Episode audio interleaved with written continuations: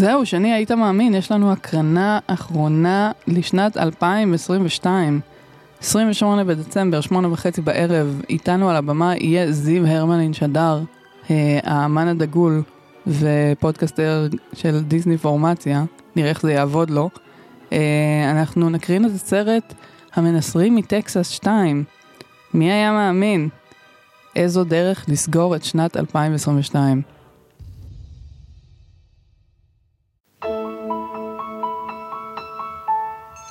טרשטוק עם גילי פורט, ושני קיניסו, טרש, קאלט פודקאסט, ומה שביניהם.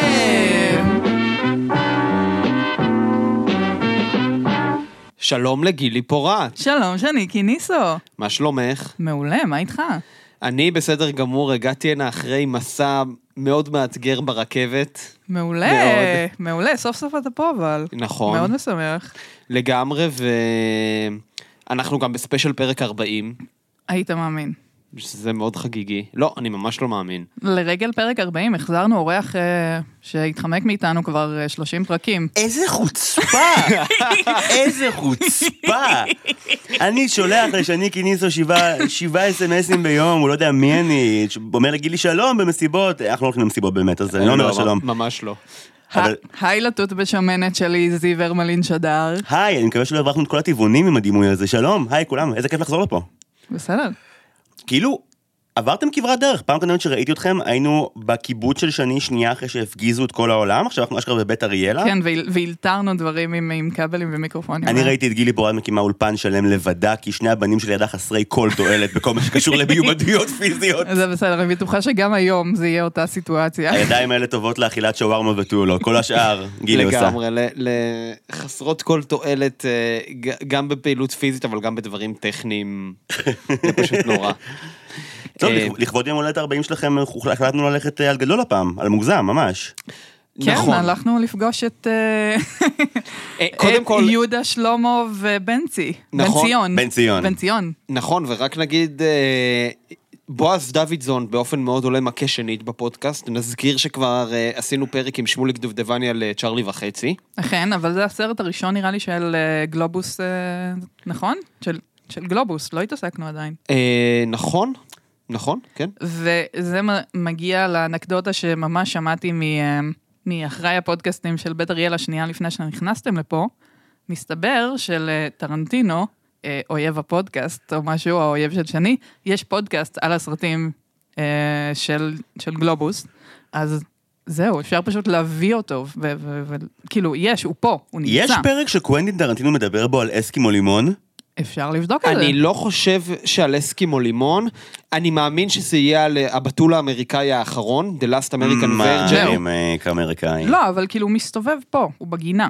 אפשר פשוט לשלוף אותו ולהגיד לו, היי, טרנטינו, ו- ו- וזהו, ולדבר איתו כזה, הוא ישמח. לא, כזכור הוא גם עשה את המחווה לפני שנה נכון. בפסטיבל ירושלים עם אה, עותקים, מחווה ל- לקאנון. ו... נראה לי שהוא אוהב ליזום, אבל לא נראה לי שהוא אוהב שאנשים רודפים אחריו, ונראה לי בתל אביב כל הזמן רודפים אחריו, אז אולי... אה, אז לא נרדוף, פשוט אה, נציע. נגיע דרך דניאלה. איך דניאלה, הילדים של אחות של עודד, אתה יודע.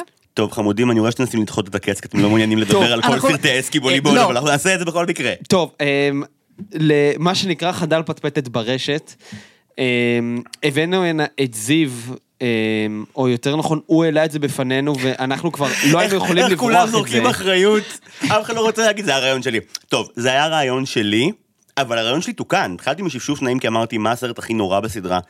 ואז היה מין כזה, לא, זה לא מייצג, זה פשוט לא מייצג להתייחס רק לסרט הכי גרוע, או השני הכי גרוע של אסקימו לימון. צריכים לצלול פנימה, לעומק, להתפלש בזה רגע. אבל uh, אתה, שאני ואני כבר ראינו לפני, בילדותנו, ויש סיפורי התבגרות שנגיע אליהם, אבל גילי, את בעצם לא ראית עד עכשיו? אפשר להגיד שאני בתולת אסקימו לימון, זה מה שאתה אומר? לא. בואי, המונח הזה, בואי המונח הזה לא יובא כרגע לפתחך בשעה הקרובה, בסדר? לא, מן הסתם, יצא לי לראות כזה סצנות או קטעים כזה כמו סצנה מגמרת ושטויות כאלה, אבל אני לא חושבת שראיתי את הסרט במלואו. פשוט אמרת שאת או הדחקתי כנראה. פשוט הזכרת שאת בתולה, וכאילו בתור מי שצפה בסרט הראשון אתמול, אז כאילו התגובה האוטומטית, התגובה של מומו של מה פתאום, היא פתוחה על בטוח, זה כאילו הסלנג בכל שורה שנייה. אבל אוקיי, ואיך היה לראות פעם ראשונה? קצת קיללתי את זיו כל פעם. רגע, כל הזמן? לא, כל... לא, לא לאורך כל הסרט, אבל אה, אין ספק שזה אישש את התיאוריה שלי שבנים הם הורמונליים ודרמטיים. ראית את הראשון ואת השני? כן, בסדר הזה. אוקיי, היו לך העדפות? תראה, הסרט השני הוא נקמתו של יודלה, אז יש בזה משהו קצת מעניין, אני מסכים מאוד. אבל אה, והראשון הוא קלאסי. אה, אני חושבת שאהבתי קטעים פה ושם. כאילו, אין, טוב, נגיע לזה, אבל אה, נגלה מי הם הדמויות האהובות עליי. זה, זהו, נגיע לזה, ואני חושב שנייה לפני שנצלול לזה, אני חושב שרגע חשוב שנייה להגיד את הדברים המובנים מאליהם בנוגע לאסקימו לימון, ככה בשביל ההקדמה. אסקימו לימון זאת באמת תופעה חסרת תקדים בקולנוע הישראלי, זאת אומרת, אני חושב, סדרת הסרטים הכי, הכי ארוכה. אה, באופן רשמי זה תשעה, או שאנחנו לא סופרים את אלה שיצאו בחו"ל וכאילו... סופרים גם סופרים. אה, סופרים, יש גם החגיגה נמשכת. זה נע בין תשעה ועשרה, רימייק, יש רימייק. פה. נכון, יש רימייק. אה, יש, יש רימייק יש קצרים שמבוססים על, יש כאילו המון דברים. אם מדובר אין- ב franchise. merchandise? יש merchandise? אין merchandise, אבל כאילו חסמבה ואסקימו לימון, זה הפרנצ'ייזים הקולנועיים של ישראל. נכון, וגם אה, חסמבה כמה סרטים זה מה כבר. קרה לגליס? כן. שניים. שניים וסדרת טלוויזיה לנוער גרועה מאוד שהייתה לפני כעשור, לא רגע. רגע, אני מדבר על חסמבה דור שלוש. כן. אנחנו נלך מכות אחרי הפודקאסט, תראה אותו מה. רגע, חסמבה דור שלוש? אתה לא יכול לרדת על זה. super meta, כתובה מצוין, תראה שוב, היא לא גרועה. אוקיי, זה, אני, אני מדבר פה על התרשמות של ילד בגיל, אה, כן? מתי שהסדרה יצאה לא ראיתי אותה מאז, היא כן? אחד הדברים החתרניים שיצאו בטלוויזיה הישראלית, אבל עזוב, באמת לא חשוב. נכון, זה הפרנצ'ייז הכי גדול, ואין אין- אין לו מתחרים גם. זהו, בדיוק, זה... במידה רבה אנחנו מדברים על תופעה ייחודית, אפילו חסרת תקדים בקולנוע הישראלי. הסרט הראשון, אה, הקלאסי ביותר מבין כל הסרטים, גם על זה אין ויכוח, אה, הוא הסרט אה, הכי נצפה. השני, עקפו אותו לאחרונה. נכון. מי, מי, מי, שולי? שולי, שולי, כן. לשחרר את שולי עקף את אסקימו לימון, ואני חושב שכולנו יש משהו ללמוד מהמאורע הזה. רגע, באיזה מדד? רק מכירת כרטיסים. כן. אוקיי. כי נראה לי הוא ניצח כזה בהרבה מדדים, גם לא, לא, כלכלית. אסקימו לימון בוודאות, לשולי ייקח עוד כמה שנים להגיע לשם. זהו. אבל מבחינת מכירת כרטיסים, כן, אה, שולי היחידי שעקף אותו. כן. וואו, אוקיי. אמ, אבל לא, בסדר, אבל אה, באמת מבחינת אה, מכירת כרטיסים, ו- ובואו, אנחנו גם, אנחנו מדברים כמובן על עידנים מאוד שונים של צריכה של קולנוע ואיך לראות קולנוע.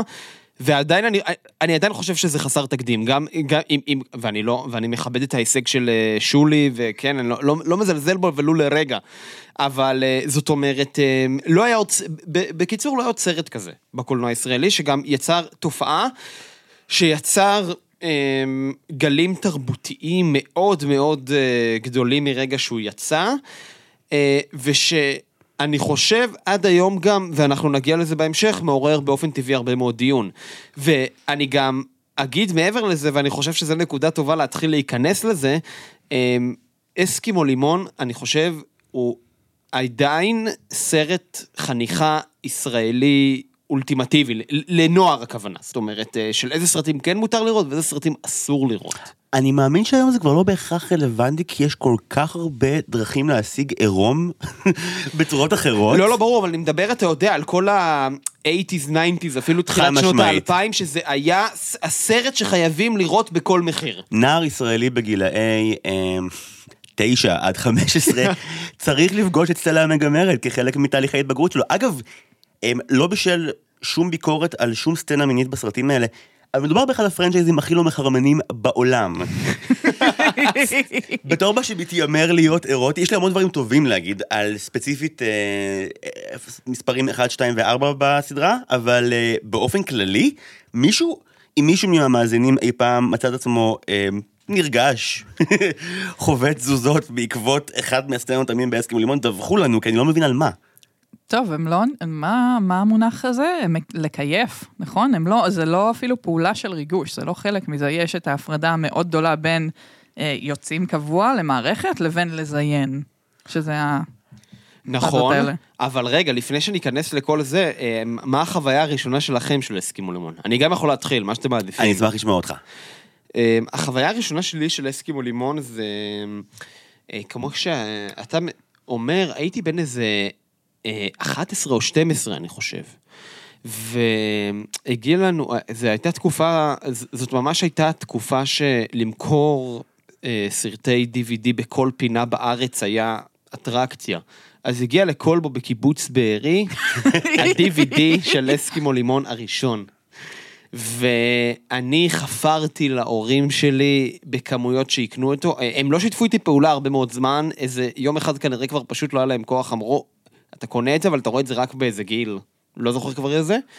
ואמרתי להם בסדר בסדר וכמובן בפעם הראשונה שהם לא היו בבית פשוט פתחתי וניצלתי והזמנתי חברים וראינו את זה ביחד. אמ, וזאת החוויה הראשונה שלי, זאת אומרת עם אסקימו לימון ואני יכול להגיד שזאת אומרת אמ, אה, ממה שאני זוכר כל האנשים ב... כל- החברים בקבוצת גיל שלי זה היה פחות או יותר. אה, כשהזמנתי אותם לראות זה היה וואו, זה היה כאילו ממש איזשהו סוג של אירוע לראות את אסקימו לימון. אירוע שאתה לא יודע כמה הוא יצלק אותך להמשך החיים, אבל אירוע. וואו, אני...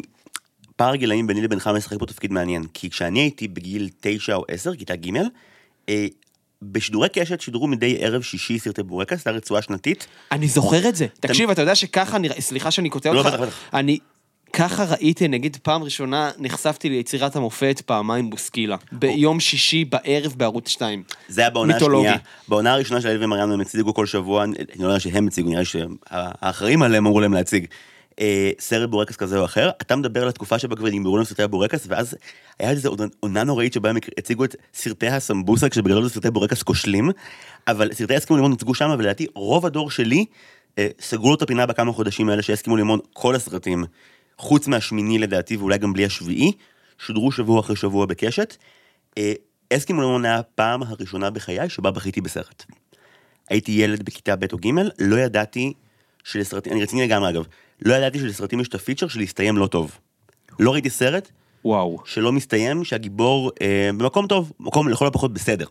ראיתי סרטי אקשן שבהם הגיבור כמעט מת ובשנייה האחרונה הוא לא ואין התרה זה נגמר. לא ראיתי סרט שבו מישהו הולך ברחובות שבור לב ובוכה וזה מסתיים.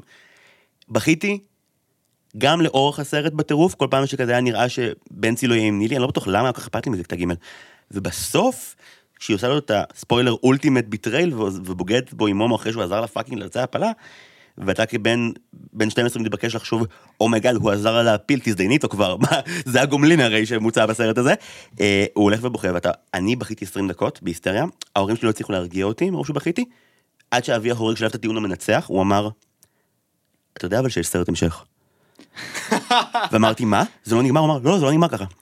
ושבוע אחרי זה יוצאים קבוע שודר, כמובן שהייתי איתו, יחד, בקטע של להרגיע אותי. תראו מה זה הורים, הורים נורמליים אמרו להרחיק אותך מהסרט הזה. אבא חורג שלי, שהוא מורה לקולנוע, הושיב אותי ואמר, אנחנו נראה את סרט ההמשך עכשיו, ואתה תראה שבנצי ומומו חברים, אז היה חשוב שהם יהיו חברים, היום אני הייתי מרחיק את מומו למוסד.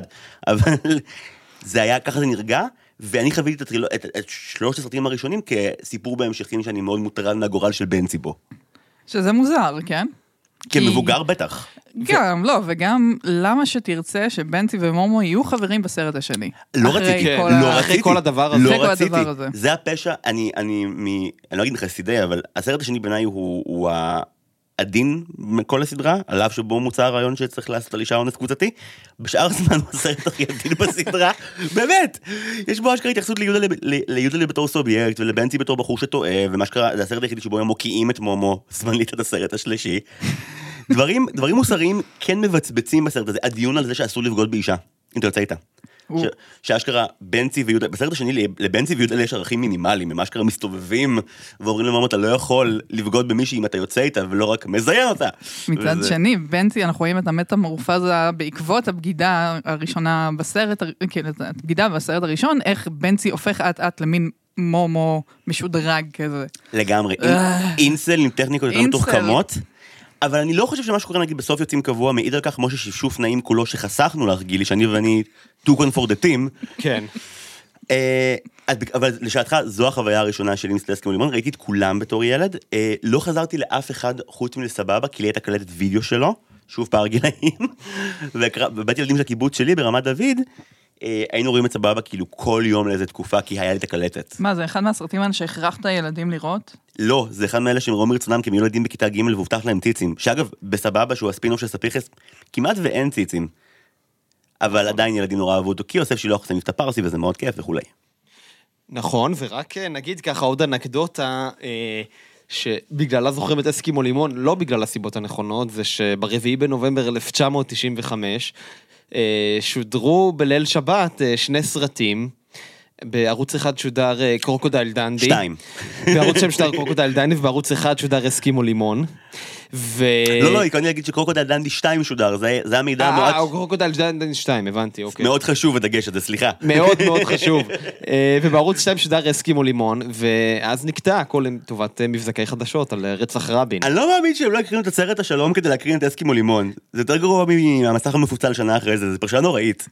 לא לעניין. כאילו מירי אלוני שרה את שיר לשלום בכיכר, וסטלה מגמרת, כאילו, קורה וסטלה בערוץ שתיים. מגמרת מכל אה, בתי כיכר מלכי ישראל. ממש. סקרין של הכל. כן, זה קצת נורא שמישהי צעקה אני מגמרת, אני מגמרת, ואז רבין נגמר, זה כאילו די... אה, אוי אוי ואבוי. רק אומר, הקשר היה שם. oh my God. אנחנו מתנצלים. סתם, נראה סתם. לי, וואו, טוב. אה, טוב. זיו, לא, הכל בסדר. לא, איך... איך אתה בסדר עם השמנופוביה בסרט הזה? וואי, למי אכפת? בסדרה. לא אכפת לך? לא, כי זה... כל הבדיחות על... כאילו... זה- אני אסביר, אני אסביר. אין בדיחה אחת על שמנים בסרטים האלה שמצחיקה אותי, ולא כמי שמתנגד אידיאולוגית לבדיחות השמנים, כי אין בדיחת שמנים מצחיקה אחת בסרטים האלה. נכון, זה תמיד יהודה חוטף מכות בסופו של דבר בגלל שהוא שמן. בגלל זה- בגלל זה- או נופל למים, כן. כן. בגלל זה שפשוף נעים הוא באמת אה, בלתי צפי. עכשיו, כי... אוקיי, אני יכול להציג לכם שנייה את הרעיון על רגל אחת? כן. אוקיי, בוא נפריד שנייה את סרטי 4 עד 9/10 באסקימו לימון, ונתחיל שנייה על שלושת הראשונים בתור סוג של טרילוגיה. לא טרילוגיה מכוונת, לא טרילוגיה עם מאפיינים של טרילוגיה, אבל... טרילוגיה תמטית. אבל אני חושב שאם מסתכלים נגיד על הטרילוגיה החדשה דווקא של, אה, סטאר וורס, הכי מפתה להגיד ששיפשוט נעים זה שובו של הג'די, אבל, אה, אבל לא דווקא החדשה, אה, יש patterns מעניינים. כי הראשון הוא לכאורה הקלאסיקה, ולכאורה בוא נכיר את הדמויות, האפיונים מאוד ברורים, בנצי הוא ה... זה מעצבן שקוראים לו הרגיש, כי הוא מפלצת. הוא לא, הוא נוראי. הוא מפלצת. הוא כזה... אה, אינסלים בתחילת... זה כזה בנים פמיניסטים כזה. נכון, אבל, כן. אבל, זה אבל כן, למה הוא רגיש? זה חשוב- מה, כי הם פשוט נוראים והם לא מסתירים את הזה, והוא לא, כזה, כי- אוי, הוא מאוהב בקונספט של אהבה. זה קודם- מה שהוא עושה. לא, כי צריך אפיון דמות אחר, זה הכל. לא, אבל קודם, קודם כל לפי יוצאים קבוע, אם מתייחסים אליו כיצירה מעניינת, אז יהודה הוא הרגיש באמת. אה, בנצי אמור להיות הרגיש, אבל לדעתי טרילוגיית אסקימו לימון המקורית, אה, לפני ספיחס שכבר לקח את זה לכיוון אחר, היא ממש המאבק על האור והחושך בנפשו של הגבר הישראלי המתבגר, כשהראשון הוא ממש כאילו די שוויוני, יש לך את מומו שהוא הרוע, את יהודה שהוא כאילו המסכן, ואת בנצי שיכול להיות הטוב אבל הוא הבן הכי גרוע בעולם. יוצאים קבוע משנה את זה מאוד. אני יודע שכאילו רוב האנשים ראו בעיקר את הראשון ואת הרביעי, אבל הוא מעניין מכמה בחינות. קודם כל, אדם גרינברג עושה עבודת צילום לא נורמלית ביופייה. לגמרי, תל אביב- נראית מדהים, ב- בשני אפילו יותר בראשון לדעתי, ובשלישי, אמנון סלומון הוא צלם ענק היום, אבל השלישי אי אפשר לראות את זה. אבל לגבי הסיפ... הדרמה, אם יוצאים קבוע הוא המאבק הגדול על נשמתם של בנצי ויהודה להיות סובייקטים ולא אינסלים, שפשוף נעים הוא ההודאה בתבוסה. וכמו שסטאר וורס 9 היה ההודאה בתבוסה של ג'יי ג'יי אברהמס שהם ניסו משהו, אבל זה לא עובד, אז בואו נרסק את הספינה הזו כמו שצריך. שפשוף נעים אומר, בעצם אולי הרגשות שלהם לא חשובים, בואו רק נזיין ונתייחס לכולם כאילו הם אך ורק דאחקה לצרכינו או סקס, וזהו. כל הצרכים שלהם זה צחוקים, סקס ופוגענות בסרט השלישי, אבל בשני, הרגע האחד שבו בנצי ויהודה מדברים בג... בגילוי לב, וצחי נוי, אגב צריך לומר, מעולה בסצנה הזאת, הוא בוכה את נשמתו. וזו הפעם היחידה שסטיידס כמו לימון מכירים בעובדה שהאיש הזה הוא איש אמיתי אולי, שחי חיים איומים עם חבורה מזעזעת, אבל זה מדינה, גילי זה לא שמנופוביה כמו שזה פשוט ביטול מוחלט של כל מי שחלש, והד...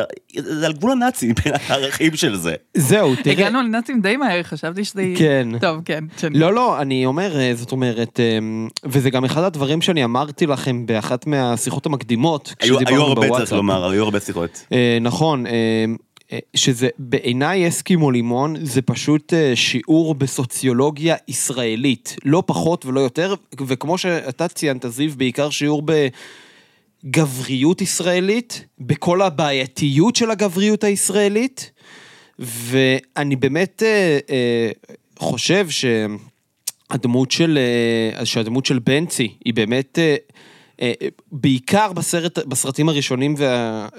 אה, בסרט הראשון והשני, זה המאבק הזה שאתה אומר, ו- וזה איכשהו תמיד הבחירה הזאת שאתה רואה שקורית בכל כך הרבה מקומות, בין אם בחיים האמיתיים, בין אם בסדרות או בסרטים ישראליים, הבחירה בסוף ללכת להיות אה, הדמות הזאת של הגבר שמעניין אותו רק לזיין, ומעניין אותו כאילו בכל מחיר שהוא, גם במחיר נפשע וגם במחיר אה, לא מוסרי בעליל, בלשון המאוד מעטה. לזיין בכוח. כן.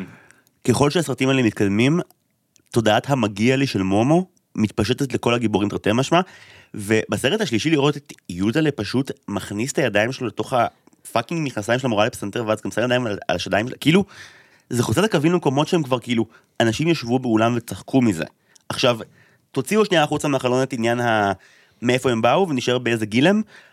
כאילו בני הנוער הישראלים, זה ששחרר את שולי ואסקימו לימון ראש בראש על, הטבלה, זה שני סרטים שבאופן עקבי רוב ההומור שלהם שואב מללעוג לכל מי שחלש, להעצים את מה שחזק. כן יש בשולי משהו חתרני לקראת הסוף בכאילו, של הם, הם בעצם באים אה, בכך שהם חלשים לנצח, אבל בסופו של דבר סרטים שדואגים, ולעג זה לא סוג ההומור החביב עליי, זה נשמע נורא, נורא ילדותי אולי, אבל כאילו, נכון שקומדיה אמורה להיות מכנית, אבל בסופו של דבר כשאתם בני אדם אמיתיים ואתה מבלה איתם שעה וחצי, אתה לא יכול שלא להרגיש אי נוחות מאוד מאוד קשה, כשהם מתחילים לפגוע בכולם, אתה עדיין אמור להריע עליהם, ולרצות בסוף שהם יקבלו זוגיות. זה שסרטי אסקימו לימון כל פעם חוזרים בסוף להאם בנצי יהיה עם הבחורה, כשבכל סרט בנצי הוא אדם הרבה יותר גרוע, אתה כבר לא יכול להכיל את זה. נכון, אני מסכים, תראה, ו... זאת אומרת, בוא, בוא רגע גם נלך, אה, נלך כרונולוגית לפי הסרטים. זאת יאללה. אומרת, בוא נתחיל בראשון, שהוא ממש, ה... כמו שאמרנו, הקלאסיקה. נכון. שמאיזושהי סיבה הוא גם הוקרן בפסטיבל ברלין, והיה מועמד שם ל- ממש לפרס הגדול, אגב. גרמניה היא המעריצה מספר אחת של סרטי אסקימו לימון. זה נכון, נכון. גרמניה ויפן. נ- כן, לא זה אני מפתיע. יודע. לא מפתיע, וכן, אה, הרי ל- ליוד- ל- לצחי נו יש ממש מעמד של כוכב על ביפן הרי גם. נכון, הוא היה... אה, ב- ואדם הוא- גרינברג, וכולם היו מועמדים לאופיר הראשון, אה, לסרט הזר בגלובוס, נכון? זה נכון, גם היה? נכון, נכון. היה כאילו מלא שורה כזאת של... אה, אדם- אדם גרינברג הגיע לדעתי להוליווד בין היתר בזכות סרטי אסקימו לימון. אה, נכון. בוא נגיד את זה בקול רם. דוידסון ברח להוליווד בגלל זה. כן, אבל אפשר, זה כיף לומר בקול רם, הצלם של שליחות קטנית 2 צילם את אסקימו לימון הראשון והשני. כן. וזה נראה, וזה, יש קשר. לגמרי, אפשר אפשר לראות את זה. אה, לא, זה, באמת, הראשון והשני זה גם באמת סרטים שמבחינת הצילום הם מאוד מאוד יפים. כן, ושניהם עוסקים בגברים רעילים ורצחניים שהורסים את הסביבה שלהם. נכון, ו... אה, אבל אני אגיד לך משהו, ואני חושב שאני עומד להעלות פה אה, אה, טענה קצת פרובוקטיבית, במתכוון. אה, תראה, אם אנחנו נזכרים עוד פעם בעלילה של הראשון, ושנייה אני אומר בסוגריים, אסקימו לימון, כל, כל הסדרה, כל סרטי הסדרה של אסקימו לימון, זה, כל אחד מהסרטים בנפרד זה סרטים שאין בהם עלילה, זה סרטים שמורכבים ממערכונים, שיש איזה, יש קו עלילתי מאוד מאוד דק שמקשר ביניהם, אבל הוא כאילו, בגדול זה- סרטים שהם סדרת מערכונים שאמורה להיות מערכוני סקס קצת יותר בוטים. זה נכון מהשלישי ואילך מה שאתה אומר. כן, כן, לא הראשון. גם בשני אבל זה קצת. בשני יש, גם בראשון, הם כאילו, הם אוהבים בשליש הראשון לטבל במלא סצנות כזה זימה והומור מפגר כדי למשוך אותך פנימה, אבל אז המלודרמה משתלט, כי הז'אנר האמיתי של סרטי אסקימו לימון זה בין סרט התבגרות ובין מלודרמה, מאוד, מאוד שטוחה גם, אבל עדיין. כן. אז, אז זאת אומרת, מה, אז מה שאני בא להגיד בכל זה, מה שהטענה הפרובוקטיבית, במרכאות או, ש, או שלא, זה... בוא באמת נסתכל שנייה על, ה, על הסוף באמת, של אסקימו לימון ראשון, על הסוף אה, באמת שובר לב, זאת אומרת, עד כמה, ש, עד כמה שמומו הוא, הוא, הוא חרא של בן אדם, והוא, כמו שאת אמרת, וזה נכון כל כך ומדויק, אה, האינסלים, הכאילו פמיניסטים, והכאילו ה... אתה מדבר על בנצי? אלבנטי, סליחה, כן, אוקיי. סליחה, סליחה. אני, אני לאט אתבלבל בשמות שלהם אגב, אין מה לעשות. אני פשוט אמור להגיד הרגיש, במרכאות, החרמן והשמן, כאילו זה ה-. זה האפיונים לא, פה. גם בנצי וגם יהודה כאילו היו יכולים לקבל גאולה עד סוף הסרט השני, ומהשלישי דרכם לעבריינות מין סלולה וברורה. זהו. ומומו, אנחנו בכלל לא מדברים על גאולה? מומו לא, צריך היה למות בתחילת הסרט הראשון. מומו האנטגוניסט וואו. והוא הנבל בשני הסרטים הראשונים, ויש סיבה לזה. אגב, זה שבשלישי מי שמחליף את הנבל במומו זאת נילי, כלומר שבחורה מחליפה בחור בתור נבל, מסמל את כל הקו של סרטי הסכימו ליבון בחור לקחת עם הזמן. פשוט תתני לו, מה הבעיה שלך? אגב, תני לי, זה כאילו הכינוי שהם אף פעם לא קוראים לה בו, אבל זה מרגיש שזה המעבר לשם, נכון? השאלה היא כזאת, אתה מרגיש שמשהו בהם הוא, הוא מעניין היום לצפייה ברמת האפשר, או שהיום ראית את זה בשביל, כי הכרחנו אותך בשביל הפרק הזה ו... לא, לא, תראה, אני, אני, קודם כל אני אגיד, אה, אני אגיד שני דברים. אחד, אני חושב שבסופו של דבר, לכל סרט קולנוע שיצא, איפשהו יש איזשהו ערך, כזה או אחר. אוי, לא. לא מאמינה שצידדת עכשיו באבנר ז'ביט. לא, חס וחלילה. אני לא מאמין אני מצדד באבנר שביט? ממש לא. זה פתאום, זה מה שהמורה של הבעייתיים אומרת, זה כל אחד הוא מיוחד. כאילו... לא, לא, אני... אני מתכוון ברמה, אתה יודע, זה, זה, זה אולי ראייה שהיא טיפה סוציולוגית על הסרטים, אבל אני חושב שכל סרט באיזשהו מקום, כן, או, אתה יודע מה, אוקיי, לא כל סרט, אבל 99 או 98 אחוזים מיצירות הקולנוע של מדינה מסוימת היא בהחלט מהווה איזשהו מראה לתקופה, אמ, איזה שהם ערכים של אותה תקופה, אה, וגם אם הערך הקולנועי לא גדול. אז זה דבר ראשון. אם אני מסתכל בראייה הזאת על אסקימו לימון, אסקימו לימון זה סרטי פנטזיה לכל דבר ועניין. זה סרטים של, אה, אה, אנחנו תכף, תכף אני גם אתייחס לזווית המאוד יהודית בהם, כן? אני לא, לא אשכח אותם, לא לדאוג. אבל ברמת מה שזוכרים מאסקימו לימון ב- ב- בתרבות הפופולרית ובזיכרון הקולקטיבי, זה סרטי פנטזיה מוחלטים. זה איך שהנעורים הישראלים היו רוצים שהם יהיו, וגם, ואני גם מצאתי, אגב, ביוצאים קבוע, קראתי את הביקורת של אורי קליין מהיציאה של הסרט. זה שהוא קוטל אותו כמובן, כן? אבל, אבל, הוא, אבל אחד הדברים שהוא כותב שם, לא ככה נראו הנעורים שלי ושל חבריי בתל אביב של סוף ה-50's, ולא של אף אחד אחר שאני מכיר גם. ו, והאמריקניזציה של כל הסדרת סרטים הזאת היא, היא מאוד מאוד גדולה, זה, אני חושב זה איך שהצעירות הישראלית היינו באמת רוצים לראות אותה. אנחנו גם צריכים לזכור שהסרטים האלה יצאו בסוף שנות ה-70. זאת אומרת, אה, אנחנו מדברים על כל הסדרת פיגועים הנוראית שהייתה בארץ, מכביש החוף עד אה, מלון סבוי, זאת אומרת, אה, זה, זה, ממש איזשהו ניסיון לברוח מהמציאות הישראלית הזאת, ולא איזשהו רצון לייצג אותה. אז זה דבר אחד, והטענה השנייה שרציתי להתחיל להגיד מקודם, שהיא כביכול פרובוקטיבית, זה, אני אגיד לך, גם בסרטים אמריקאים, אמ, שהם לכאורה מאוד רדודים ומאוד מאוד שוביניסטים, אין לי עכשיו דוגמאות בשלוף לתת, אני, אולי אני אזכר... אמריקן פאי? לא, לא אמריקן פאי, אני מדבר סרטים מאותה תקופה יותר, כמו... אני אזכר ואני אגיד, אבל גם בסרטים ש, שברובם לוקחים את המודל הזה, מהמודל הז'נרי של אסקימו לימון, אמ, בסופו של דבר, הרבה פעמים אתה גם רואה שם אה, דמויות נשיות שכן מביעות איזשהו סוג של התנגדות לגבריות הזאת. באסקימו לימון, אתה כמעט ולא רואה את זה באף אחד מהסרטים. ו- זה דמות של, של דפנה הרמוני, אבל גם, זה היה מאוד שולי כזה. נכון, ו- אבל אם אני לוקח את, הס, את הסרט הראשון, את הסוף עם ענת עצמון, כן. וזה שהיא כאילו עם כל ההפלה, וזה שהוא תמך בה וזה, עכשיו, אני לא אומר שהיא חייבת להיות עם אף אחד, זה ממש לא, זאת לא הטענה שלי, זה לא הקייס פה. אף אחד לא הולך לבטל אותך שאני הכל בסדר. כן. Um, הטענה שלי זה, ש... זה שעדיין גם צריך לחשוב, ברור שזה תסריטאים גברים וברור שזה הכל, אבל עדיין ברמת התסריט וברמת ה... איזה מודל נשיות זה מציע, אני חושב שאנחנו צריכים... ש... ש... שצריכים קצת לחשוב על זה, זאת אומרת, זה, זה בחיר... אני חושב שעם כל הכבוד לבועז דוידזון, הידע הקולנועי שלו הוא, הוא, לא, הוא, לא, הוא לא ידע רדוד. הבן אדם, ואם נזכיר את תחילת הקריירה שלו, עשה סרטים אוונגרדים לחלוטין. שבלול, האיש הזה שבלול. אה, ולול, וכיוצא באלה. כן, לא, והוא ראה מלא אדם- צ'פלין, וכאילו, היה לה ממש, הוא, הוא דיבר על זה שהיה בשכונה שלו, כאילו כזה וידאומט, שזה כל מה שהיה שם, את כל ה-50's. זהו, וזה בן אדם שמבין בקולנוע ומבין בייצוג של קולנוע, ומבין מה זה דמויות קולנועיות. זה שהוא לוק... בוחר לקחת את זה בסוגריים, אני אומר, למקומות אה, פופולריים, ויש שיגידו רדודים, זה כבר סוגיה אחרת. אבל עצם זה ש... שבסופו של דבר, בסרט הראשון, הדמות של ענת עצמון אה, בוחרת להישאר עם, אה, עם יונתן סגל, אה, שזה השחקן שמגלם את אה, מומו. מומו, כן. ואני פשוט מת לדעת, מת לראיין אותו היום, מה דעתו על הדמות הזאת ומה... אבל זה הוא, כבר... הוא דיבר על זה, לא? נראה לי, גם אחרי. שהוא היה בנגוע, והוא עשה את כל... אני חושב, כן, אבל אני חושב שזה משהו ש, שראוי להתעכב עליו. מומו א' באמת דמות שהיא לגמרי פנטסטית, אבל לגבי הדמויות הנשיות יש לי הרבה מה להגיד לך. בבקשה. כי שימו לב שאנחנו שני בנים שמדברים כבר שעה רצוף, והאישה היחידה בחדר שקטה מאוד בינתיים על המיקרופון. רוצה את לדבר ולא אנחנו? אני חושב שגילי מעדיפה להדחיק את החוויה פשוט, לא כי היא לא רוצה א- לדבר. א' כל זה נכון, אבל אה, כן, אני רוצה לשמוע אה, את דעתך. ואז להיכנס בנו כמו שצריך פשוט, אתה מבין? לא, לא, אה, אה, אה, כן, בשם מגדר של... לא, לא, אני צוחק. לא, לא, כבר לא, לא. כבר שמעתי שאפילו היום אה, לא זוכרת מי, מישהו כזה אמר שהוא שומע את, ה, אה, את הפודקאסט, ושיוצא שאני בעיקר נכנסת בך, ואני כזה... מי אמר את זה? הכל אמת מוחלטת, ותודה שאתה רואה את זה. סתם, סתם. כן, לא, אבל אני מנסה לחשוב, חוץ מהפרק באמת של bad boy בבי, שזה היה פשוט לא, נור- בסדר, זה נורא, אבל- כן. איפה בדיוק אני נכנסת בשני? לא, אבל, אבל אני, אני לא רואה את זה כ...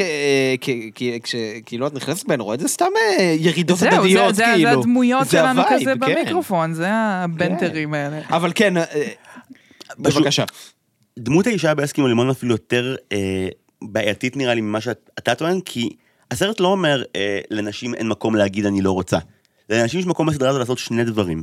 או להיות, אני מדגיש ברוח הסדרה, נודניקיות ולהתנגד, או להפוך להיות אחת מהחבר'ה, ויש דמות אחת של אישה שנחנכת לאור הסרטים האלה. ברכה? ברכה היא הנשית הראשונה בסדרת סרטי אסקימו לימון. נכון. חש- חששתי שזה הכיוון גיב- שזה לא, הולך לא, אליו. גיבורינו הבנים היו אנסים או משדלים לאונס קודם לכן. ברכה רוצה להיות, זה מזכיר את המפץ הגדול, כמו הדמות של ברנדט, שבהתחלה היא כאילו המפריעה, ואז לאט לאט היא נהיית one of the guys. להיות חלק מחבורת אסקימו לימון אומר לבטל כל אה, צורך של מישהו אה, לרגישות או לעדינות, והשפלה נהיית ההומור המרכזי. ברכה לא לבד אגב. בסרט השני אה, יש רגע מאוד מוזר שבו הם צועקים הפושטקים באים כי יש שלושה בריונים שבאים, הם מעמידים פנים שהם לא שמה, ואז כשהם הולכים 30 בני נוער שמגולמים על ידי בני אנשים בני 40, שופכים עליהם ביחד מים. א', איך אפשר לקרוא להם הפושטקים אם הם שלושה ואתם 30? ב', מחצית מאותם בני נוער הם הבנות. נכון שזה לא הטרדה מינית אלא סתם הצקה רגילה, אבל הסרטים האלה אומרים, מה בעצם ההבדל בין להרביץ למישהו ללשלוח לו יד? בשני המקרים זה מצחיק או מחרמן. ונשים בסדרה הזאת, הטובות שבהן במרכאות ענק, הם אלה שמשתפות פעולה עם הנרטיב הגברי ומנסות להיות על משקל tomboys כדי בסופו של דבר גם לנצל מינית ולהשפיל כמו שאר האנשים בסדרה. אבל יש יחס. ברכה היא דמות שגם חוזרת בסרט השלישי, ושם היא כבר ממש one of those. היא מארגנת להם ציונים, היא מארגנת להם אורגיה, היא מזמינה שתי חברות שלהם ולא אומרת להם שמדובר באורגיה. היא הגיליין מקסוול נכון. של הזה? אני חושב, נועדה. אני חושב שהיא נועדה להכשיר את השרץ, כי מישהו אמר לעצמו, מישהו, או בועז דוידזון, אלי תבור, שתי אופציות, מישהו מהם אמר לעצמו, או מנחם גולן, אנחנו צריכים שתהיה גם בחורה איתם, אי אפשר שיהיו שלושה כאלה לנצח, אולי בשלב מסוים זה ירגיש לא נעים למישהו, אז זה זה יותר גרוע מאשר פשוט לא לתת להם להגיד לא. אלה שאומרות לא, אז יש תשובה, יש קאץ' פריס קבוע בסדרה שזה בחייך, שזה אומר, זה באמת, אין מונולוג על הצרכים שלי, הצרכים שלך במיטה, לא, בחייך, תוריד את זה. וגם הסדרה אומרת, נשים לא רוצות, אין שום בעיה, תרביצו להם, רק ככה הם מבינים. או אה, תאיימו להתאבד ולקפוץ מהגג, זה גם הרי עוזר. לא, זה לבנים. זה, ו- אם היא לא נותנת לך, תאיים בהתאבדות, ואז אולי כן תיתן לך. ומה? אם כי בנצי בסוף לא זוכה ב... אה, בתמי? הוא לא, הוא לא זוכה בתמי מינית, הוא זוכה, זה הסרט השני, שהוא הפייבוריט שלי. הוא לא זוכה בתמי, אבל אם... אם לא, הם שכבו לפני זה, מה? נכון? יש שם סצנה לא, שהם ערומים. כן, הם שוכבים. הם ערומים. אה, כשהם לקחו את הדירה. כן, נכון. כן. הם לקחו דירה, הם לקחו Airbnb ב-70's נכון. וב-50's, נכון, שכבו. הם אה, בעל ואישה גם, הם בעל ואישה. כן. זה נכון. אגב, אני בתור ילד שכאילו, הסרט השני אה, הפריע לי מאוד, כי בתור בוגר הסרט הראשון, לא הבנתי, א', מה עלה לחברות של בנצי ומומו. שום התייחסות לזה, אף פעם. גם נכון. בסרט השלישי, טוב, אבל זה כי הם בנים, אין להם רגשות, הם לא צריכים... אה, איך? לזה. איך הבחור הזה, זה- מומו הפנטזיה של כל גבר על איזה בן הוא היה רוצה להיות כשאתה באמת בגיל מאוד מאוד מאוד צעיר, שבו אתה רק חושב ברמה האנוכית. כי נראה שהחיים שלו מושלמים, אתה מתעלם מהצריבות. לצפות בסרטי אסקימו לימון רצוף, זה כמו לראות את uh, Too Many Cooks ביוטיוב. אתה מתחיל ויש מוזיקה נעימה, וכולם נראים שכיף להם, ולאט לאט הפסקול מתעוות והתמונה נהיית אלימה, וזה עדיין מרגיש כאילו הנוסטלגיה המקורית, אבל אתה מרגיש שאתה הולך למות מרוב ייבוש. אה, מעניין שנייה לזרוק בחטף ביחס לטענה של שני, אה, סרטי הפנטזיה הולכים ונהיים קיצוניים יותר שהסרטים ממשיכים, כי מ-4 עד 10 זה תרגיל ז'אנרי מטורלל לחלוטין, שאם הסרטים האלה לא היו נורא קשים מבחינת הומור, היית מאוד נהנה מהם. ספיחס עדיין אהוב על הרבה אנשים, כי בקטעים שהוא קומדיה סלפסטיק הוא, הוא טוב יותר מקודמיו. לגמרי. לא הרבה מדברים על רומן זעיר שהוא החמישי, שהוא דן וולמן. דן וולמן אה, מנסה לעשות מרד הנעורים ב take שלו, אה, כשמומו ובנצי הם אה, בתחרות מי יותר ג'יימס דין. יש תחרויות אופנועים, יש נפילה מצוקים, יש כמעט מוות. אה, והייתי מתייחס לזה יותר ברצינות אם זה לא היה מנותק לחלוטין מהדמויות שפגשנו. יותר מזה, אני אגיד שקראת הפרק היום, אה, שאלתי חבר שבא אליי, אני אמור לראות כמה סרטי הסכימו לימון לקראת רשטוק, בא לך לראות אחד מהם, והוא אמר, היה אחד, דור סמרה, שאוט אאוט, הוא שאל, היה אחד שבו הם על סירה? ואמרתי לו, הרי אם הוא עוגן, כן, הוא לא בוואץ' ליסט שלי לפרק, הוא מתקדם מאוד, והוא אמר לי, אבל אם אתה רואה סרט של אסקימו לימון, אולי תראה את זה עם הסירה, ראיתי את הרימו עוגן של הפודקאסט הזה, אתם יודעים מה קורה שם? מה קורה שם? קצרה היריעה מלתאר, אבל קודם כל, בסצנה השנייה בהרימו עוגן, בנצי, אה, יודל ופרויקה, שנהיה רשמית חלק מהחבורה כי מומו עזב לאמריקה, אה, מנסים לחבורת נשים לשכב איתם. איך הם עושים את זה? הם מקרינים להם סרט. ניחושים איזה סרט?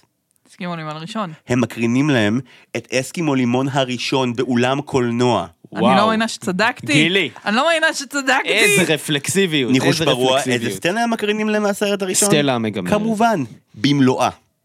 עשר דקות מתוך הרימו עוגן, הם אסקימו לימון הראשון מוקרן על ידי גיבוריו שמתעלמים מהעובדה שהם מציגים משהו שאי אפשר להציג אותו. זה כל כך מחרפן. אחרי זה כבר נהיה שוב קשה את יוסף שלא חוזר הפעם בתור רב חובל וזה שעה של נונסנס מוזר, הם בחול.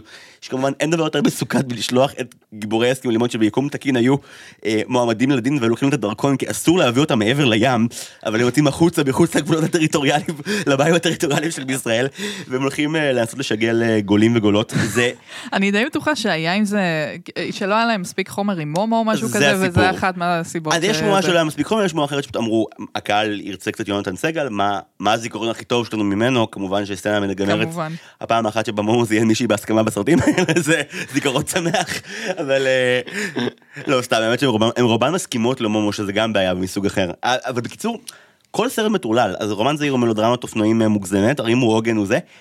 אהבה צעירה ובלוז לאביב שעוד שניהם לא ראיתי גם לי יש קווים אדומים הם שניהם סרטי פורנו שצולמו בגרמניה והם הרבה יותר מין מקומדיה שזה מה שצופי אסקימו לימון רצו. אגב השני הוא הפייבוריט שלי כי בשני אין סקס. יש רק אונס אחד ועוד ניסיון כושל לסקס שלא מצליח. אין מין אין מין כיפי שמוכרים לך בתור איזה כיף בנעורים. לא יש רק סבל כמו באמת. נכון, וגם השני, זאת אומרת, מה ש... יש בו, כמו שאמרת, הרבה יותר רגש. אה, יש בצילום אה, של אה, גרינברג, של אדם גרינברג, יש בו משהו הרבה יותר מלנכולי גם מהראשון, זאת אומרת, זה... כן, הוא עצוב. כן, זה צילום עם גוונים מאוד דהויים ומאוד toned down, כאילו זה ממש סרט, אתה, אוקיי, מה, מה, מה קרה בו, בועז דוידסון? פתאום אה, אה, עלו לך האספירציות האומנותיות לראש? אז אתה רוצה שאני אספר על זה קצת? או, בבקשה. נשמח מאוד גילי. לפחות ממה שיצא לי לשמוע את בו- בועז דוידסון מדבר על זה, אחרי ההצלחה המטאורית מן הסתם, אה, האולפנים באו ודפקו, אנחנו רוצים עכשיו סרט כל חצי שנה. וזה הפחיד את בועז דוידסון בקטע אחר, ואז הוא כזה, טוב, אז אני אצא לחופשה קטנה באמריקה, נראה איך זה נזכור, יש בית עם מישמישים, עם זה, נהיה שם קצת כזה. ו- וזהו, והוא באמת נלחץ כזה מה- מהציפיות, ו- ולייצר עוד ולכתוב את זה, ו- והיה לו, לו קשה, היה לו עצוב אפילו, להיות רחוק כאילו מישראל ומקנדה, וזה הכל כנראה איכשהו נכנס לתוך זה. זה מעניין ממש כי אתם יודעים שלראשון אה, יש ויכוח כלומר גם בועז דוידסון וגם אלי תבור שני התסריטאים של הסרט אה, טוענים שזה הסיפור שלהם.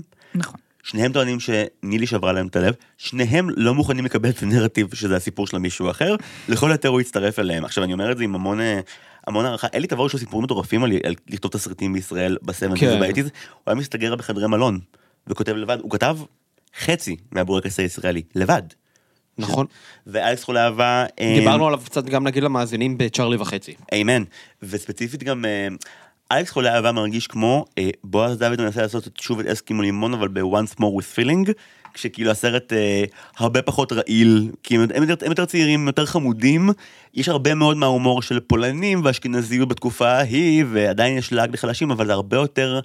מתון, ויש את הקטע שבו מישהו מזיין דודה שלו, אבל לא ניכנס לזה עכשיו כי זה לא השיחה להיום. אבל יש משהו מאוד באמת, מ- הגעגועים שמתארת ממש מורגשים בסרטים האלה, געגועים למשהו שכמו שאני אמר קודם, לא באמת קרה אף פעם.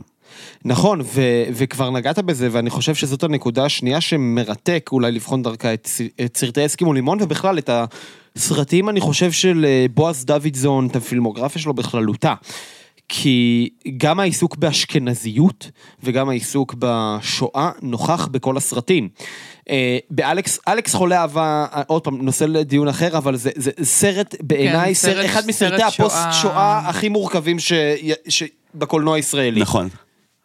אמ, עכשיו, גם, ב, ב, ב, גם באסקימו לימון זה קיים, זה קיים יותר דווקא בשפשוף נעים עם הדודה שבאה, אה, עם, עם הדודה שלא נראית יהודייה בשום צורה, היא נראית כמו כוכבת פורנו גרמניה. גם לפי השם שלה, קריסטינה שיאפנובקה, כנראה שזה הדיבור, פחות או יותר. אה, כן, אמ, אבל גם פה זה, זה עוד פעם, ה- העניין הזה של, אה, אה, של עוד פעם, היהודים שנשארו בגולה, וכל, ה, וכל הנושא הזה בשפשוף נעים. ו, וזהו, ופשוט, וזה פשוט נקודה ש, שמעניין להתעכב עליה, כי כל הנושא הזה, עוד פעם, של, אשכ, של אשכנזיות, אבל אשכנזיות כמובן נלעגת לחלוטין, או כמעט לחלוטין, אה, וכולנו זוכרים מספיחס, שלא תשתה לי שם חשיש, שזה כאילו, אני חושב, הציטוט הכי מפורסם. של דבורה קידר, שהוא עושה עבודה, מדהימה אגב, בכל דבורה הסרטים. קידר ו... מנשה ורשבסקי, שני מדהימים. הם באמת, אני חושב שהם היחידים שמצילים את הסרטים האלה. כעסתי על אמת בסרט השלישי, כשאבא של בנצי מפסיק להיות רק אבא שלו, ונהיה גם בחור חרמן שרוצה לזיין מישהי. את, הדו, את הדודה, כן. זה כאילו מין... לא, לא, לא, לא, אתם במונוגמיה הזאת שלכם עד הקבר, בלי לשמוע על בגידות ובלי שטויות, באמת לא. הם זוג שאני אוהב, הם זוג ש... כן, הם מארחים ערבי פוקר, כאילו. אני רוצה הרבה להיות ברידג'. ח- חברים שלכם. הסלון הוא רק לאירוח של הדבר הזה. נראה לי שהאורחים שלהם באים שוב ושוב רק כדי לראות מה הבן- נראה מה ככה. הבן המפגר שלהם יעשה מה הפעם. יקרה כאילו, הפעם, כן. בטוח מספרים שכזה, ממש. תבואו לערב ברידג', הבן שלהם ייכנס ערום, הבן שלהם ישים בלוק קרח על הזין שלו, הבן שלהם, הבן שלהם יביא מישהי ערומה וידביק אותה בתוך האמבטיה שלהם, מלא חרא קורה. אני לא סובל את החלק, כאילו בגלל שבשני יש הכי הרבה רגש, השלישי כבר הגענו יקר מזה וזה רק המערכונים, אבל כאילו המערכונים כקונטרה לעלילה הדרמטית, הם בלתי ניתנים לצפייה. בנצי זורק 20 ביצים על ילד בן שמונה. למה אני אמור לצחוק? למה פעם מישהו חושב שזה מצחיק? לזרוק, כי מה, כי זה אסור? אז כאילו המתיחת גבולות זה משהו מצחיק? כל מה שתיארת על השואה, זה מאוד הומור יקה כזה גם. המרד האסקפיסטי של הדור השני בסרטים האלה אינו מצטלם טוב. זה שהמ- ממש לא. אגב, גם זה שאין לנו אף פעם את הקונטרה להורים, כאילו, ילד כמו מומו, ההורים שלו, אבא שלו, איזה מודל הוא קיבל, מה קורה בבית שלו, יש הסרטים בוחרים להתמקד אך ורק בהורים של בנצי שהם הדרכה המבוצעת היטב על פולנים, והשורה, בסרט השלישי הדודה שלהם מגיע לבקר ויש שיחה כזה, ולא זוכר את זה בשני בשלישי, אבל יש רגע שבו אימא של בנצי אומרת, אה, זה לתמי, מאיפה באתם? רומניה. טוב, רומנים הם... הם בסדר. אני מכירה כמה רומנים שהם בסדר. כן. ההתנשאות של הפולנים. כן. כן. הניואנסים האלה תמיד טובים כי גם זה המקום שבו הסרטים נראה לי כן מביאים לנו קצת יותר לא מהדיוק ההיסטורי אבל מהטמפרמנט שאפיין את ההסתכלות שלנו על אה, אחד על השני. אמא שלי עדיין משחזרת דפוסים. היא עדיין אוכלת רק קומפות של זיפים? של אימא של בנצי, אין מילה שנואה לה יותר, זה ביידיש קומפוט, זה מילה נוראית, זה כאילו זה מי מילה יוצא סקסית. לאכול משהו שנקרא ככה. כאילו, אמרו בעברית, וואי המילה קומפוט לא סקסית, מהר מילה אחרת, ליפתן, כן, זה הם נכון. יקחו, זה זה סקסי. אמ, וכן, ותראה, זה גם אה, מאוד מעניין להגיד את זה בהקשר הזה שאמרת, ש... וזה מאוד נכון, שזה אה, מאוד סרטי פנטזיה של דור שני, ושל, אה, וגם ניסיון מוחלט להתרחק לא רק מהשואה ומכל הסיפורים ששומעים בבית, אלא כמו שאמרתי מקודם, מכל המציאות הביטחונית הנוראית של אה, מדינת ישראל החל מיום היווסדה, וזה מאוד מעניין לבחון את זה, זאת אומרת שדווקא... אמ, שב... זה לא דווקא, זה באופן מאוד טבעי כשחושבים, כשחושבים על זה. הבריחה האסקפיסטית ברור שהיא תהיה ל... כמו בארצות הברית וכ... ו... ולסקס, אבל אה, גם פה זה, זה, זה לסקס שהוא, עוד פעם, שהוא ברובו המוחלט בכפייה, באלימות, בהשפלה. זאת אומרת, זה ממש הטראומה, ש... הטראומות הלאומיות שעוד נמצאות שם, ו... ו... ושגם... וגם... ושגם הסרטים האלה שיצאו מהנקודת הנחה של הנה, אנחנו נעשה רומנטיזציה, אמריקניזציה ופנטזיה מוחלטת לימי הנערות שלנו בסוף אה, שנות החמישים, לא לגמרי יכולים לברוח מזה ו- ולא לשחזר את האלימות והטראומות, אבל רק, אבל בהתנהגות המינית ובהתנהגות הרומנטית, שהיא לא רומנטית. יש משהו ב... אם נחפש לראות איפה המעבר קורה, איפה, איפה המעבר מתחיל, יש סצנת מראה בראשון ובשני, שזה יודלה ניגש בגלינה מונטנה להזמין בנות לצאת עם חברים שלו. שבסרט הראשון, יודלה הוא החבר שלמעשה שולחים אותו כצאן לטבח, הוא משיג להם אותם בכך שהם רואות את בנצי והם מבינים שלא רק הבחור השמן רוצה אותם, ואז הם בורחים לו. בסרט השני, כשהם עושים את זה, אז יהודה הולך לבחורות והוא הרבה יותר אגרסיבי, הוא לא מפחד מהם, הוא, לא, לו, הוא יכול to trash talk back אם הוא צריך, ו... כן, כן, זה היה שאותת לכם. ו... וכשמגיע בסוף החלק שבו כביכול אמורים לתקוע אותו ולברוח ממנו, הוא מוצא איזה פראייר אחר, יורד עליו, צועק עליו, קח את הבום, לך תעשה ביד, והולך איתם. והרגע הזה שבו גם יהודה לא מבין איך לאמץ את האלימות וההקטנה את החברים שלו, מראים לך שלמרבה הצער, יהודה להתבגר. ובישראל, להתבגר ולהסתדר, זה ככה. נכון, וזה, וזה גם, עוד פעם, וזה מחזיר אותנו, זאת אומרת, זה גם למה זה כל כך אה, חזק, שזה, שזה עוד פעם, המילה שואה אפילו לא נשמעת, ואפילו לא, אין לה שום קשר לכאורה לסרטים האלה, אבל אתה עדיין בדיוק בדפוסים האלה של ההתנהגות של הגיבורים, רואים בעיניי עד כמה זה דור שני שפשוט לא יודע להתמודד עם הטראומות ו- ומש- ומשחזר את, ה- את ההתנהגות ואת הפעולות עוד פעם ב- להשפלות המיניות האלה ולכל ה... זה גם לא מסביר למה כמעט בכל הסרטים אף אחד אף פעם לא מדבר מה הוא מרגיש, אלא אם הוא מאוד שיכור. טוב, הם אשכנזים גם, בואו לא נשכח את זיו. הפושטקים המזרחים באים ועושים להם בלאגן, הם חייבים אה, לכבות אותם וואי, עם נכון, מים. וזה, וזה מזכיר לי שזה זה בשפשוף, אה, זה, זה בשפשוף נעים שהוא הולך עם אמא שלו למכנסיים, נכון? כן. אה, אז הוא, הוא הולך לחייט שיעשה לו מכנסיים, והוא רוצה מכנסיים כמו של אלוויס, והיא רוצה להביא לו באמת איזה מכנסיים כאילו של איזה פולני מהמאה ה-19 זה נראה, מה שהוא לובש שם, ואז גם כן היא... היא אומרת לו, אתה לא תלך עם מכנסיים שחורים, אתה לא פושטק משכונת התקווה, משהו כזה. קטן, קטע קטעים אדירים. כן, אגב, הרגעים מה שאני הכי אוהב אה, בסרטים אה, הראשון והשני זה הקטעים שבהם יש רק מערכת יחסים אחת אמינה.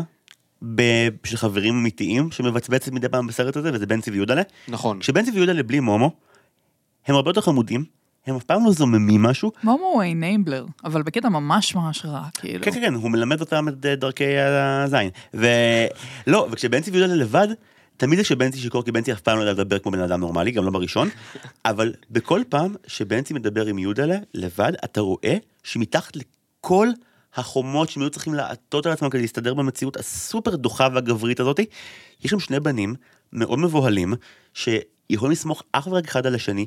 שוב, אני חייב לשבח, צחי נוי, בסרט הראשון והשני, בסצנות הדרמטיות, הוא זורח. הוא מחייך בחביבות, הוא אמין, הוא נראה מתוק. גם בקטעים שהוא מסדר אה, לבנצי את הכתובת של נילי בסרט הראשון של סצנה שבו הוא בגינסיה, והוא נשען עם הפנקס שהוא כרגיל רושם מי חייב לו מה, ובנצי אומר לו, אתה יודע, והוא אומר לו, אפשר לסדר את זה. ואז בנצי הולך, וזה מחייך חיוך גדול של כזה, אני הולך לעזור לחבר שלי. וגם לא, שוב, לא, לא לדאול אותה בתוך חדר ולשכב איתה, כן? להשיג לו רק את הכתובת שלה. אגב, בנצי מיד אחרי זה, שוב, כשהוא לבד, הוא פחות טוב מכשהוא עם יודלה. בנצי לבד הוא מומו קטן, באמת כמו שגילי אמרה, שלומד את אה, דרכי הפורס. והמוב הראשון שלו על נילי, כשברקע דרים, אחד משירי הנוסטלגיה הכי מתוקים מתנגן ברקע, זה לפנצ'ר לה את האופניים. ואז להעמיד, ואז להעמיד פנים שכזה, לא, אין לי זה, כאילו הסרט אומר, ככה תשיגו את החברות שלכם ילדים. אתה יודע שמסתבר שככה ההורים שלי הכירו? זה פשוט נורא. כי הוא? פינצ', הוא פינצ'ר את האופניים? לא, אבל זה היה בבאר שבע, הם למדו באוניברסיטה, אבל הם לא הכירו אחד את השנייה, ואז מתישהו, זה אני לא מאמינה שאני מספר את הסיפור הזה. אה, קיצור, מתישהו אימא שלי באה ללמוד אצל אה, חברה אחת שלה מהתואר, ואז מסתבר שאבא שלי היה שותף, היה לו חברה אז, אבל הם היו עיניים וכאלה. יום אחד היא... ירד גשם, אז היא יצאה עם האופניים שלה ועשתה, אוי, יש לי פאנצ'ר, מה אני אעשה? אני אלך למהנדס, הוא יודע לטפל בזה. זה הרבה יותר חמוד ממה שבנצי עשה. לא, כן. זה היה הרבה יותר חמוד, אבל עדיין לחשוב שכל הדבר הזה התחיל מסטוץ, אני כזה... אה, כן. אז הנה, אגב, אוהבים לשבח את הסרטים האלה על זה שהפסקול שלהם הוא כן... אה, אה, זהו, הפסקול זה הדבר היחיד שכיף. רציתי גם להגיד ש... כן, גם יצא שליש מהתקציב על זה, אז... לא, גם. רציתי להגיד שהתחלנו להקליט ב- בשעות השידור של רגעי קסם, שזה מאוד מאוד הולם ברשת ב'. Magic Moments. כן. יש קטע עם זה, אבל אנשים רואה אותם הרבה כמו ששני ואני ראינו ב- בימים האחרונים. אני חולה על השירים שם, זה הדבר היחיד שאני נהנה ממנו כן, אבל בסרטים האלה. שלא- מה שפעם אמרו לי זה שהרבה מהשירים חוזרים, וזה מעניין לראות שיר שבסרט הראשון יש לו כוח עצום על הפסקול, חוזר בשלישי ואין לזה שום ערך. כאילו, טוטי פרוטי מתנגן 20 פעם לאורך כל הסרטים האלה. נכון, זה כאילו... ובכל פעם שזה חוזר, כאילו אם תשווי את זה לשני השירים הראשונים בסרט הראשון, הרי הסרט מתחיל עם, אה, עם Greenfields, שנראה לי שזה של Brothers Four. נכון. כן, כן, Brothers Four. כן, שזה ונגמר עם Mr. Lonely. נכון? לא, שזה גם שיר כל כך יפה ומרגש. ואתה כאילו אומר, או, זה בטח יהיה סרט יפה, ואז אתה מקבל את סטלה מגמרת.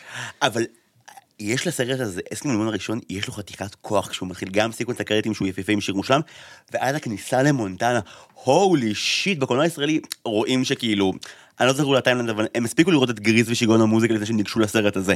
ויש שם או את זה או את המלודרמות הפסיכיות האלה, אבל מלא אנשים רוקדים בתלבושות, תמי מור עשתה עבודה בת זונה על התלבושות שלהם, זה סוחף ברמות שזה מתחיל. בשלישי לעומת זאת, יש לך סיקוונס קרדיטים שמוביל ישר לחוף ים שבו המון זוועות קורות רצוף, כולן ליודלה, ואת אמורה פשוט לצחוק. כאילו בהתחלה כדי להצדיק את זה שהוא יסבול, אז הם כולם מציצים בחורי הצו והוא לא מוצא חור, אז הוא עולה למעלה על הגג. "הם, הבחור שוקל פי ארבע מכולם, עולה לגג של מקלחות, מעניין מה יקרה. כן. אז הוא נופל, זקנה אחת רודפת אחריו מלא מלא מלא. זה לא הדבר הכי גרוע. לא, לא. בדרך אליו. זקנה אחת רודפת אחריו, מריצה לו מלא עם הכפכף שלה, את אומרת לעצמך, אוי איזה מסכן, טוב קצת מגיע לו. ואז החברים שלו מיד חופרים אותו בתוך בור ענק של חול, משאירים אותו לבד קבור בחול, וילד בן שנתיים, שלוש מגיע, משתין. במשך דקה על הפרצוף שלו.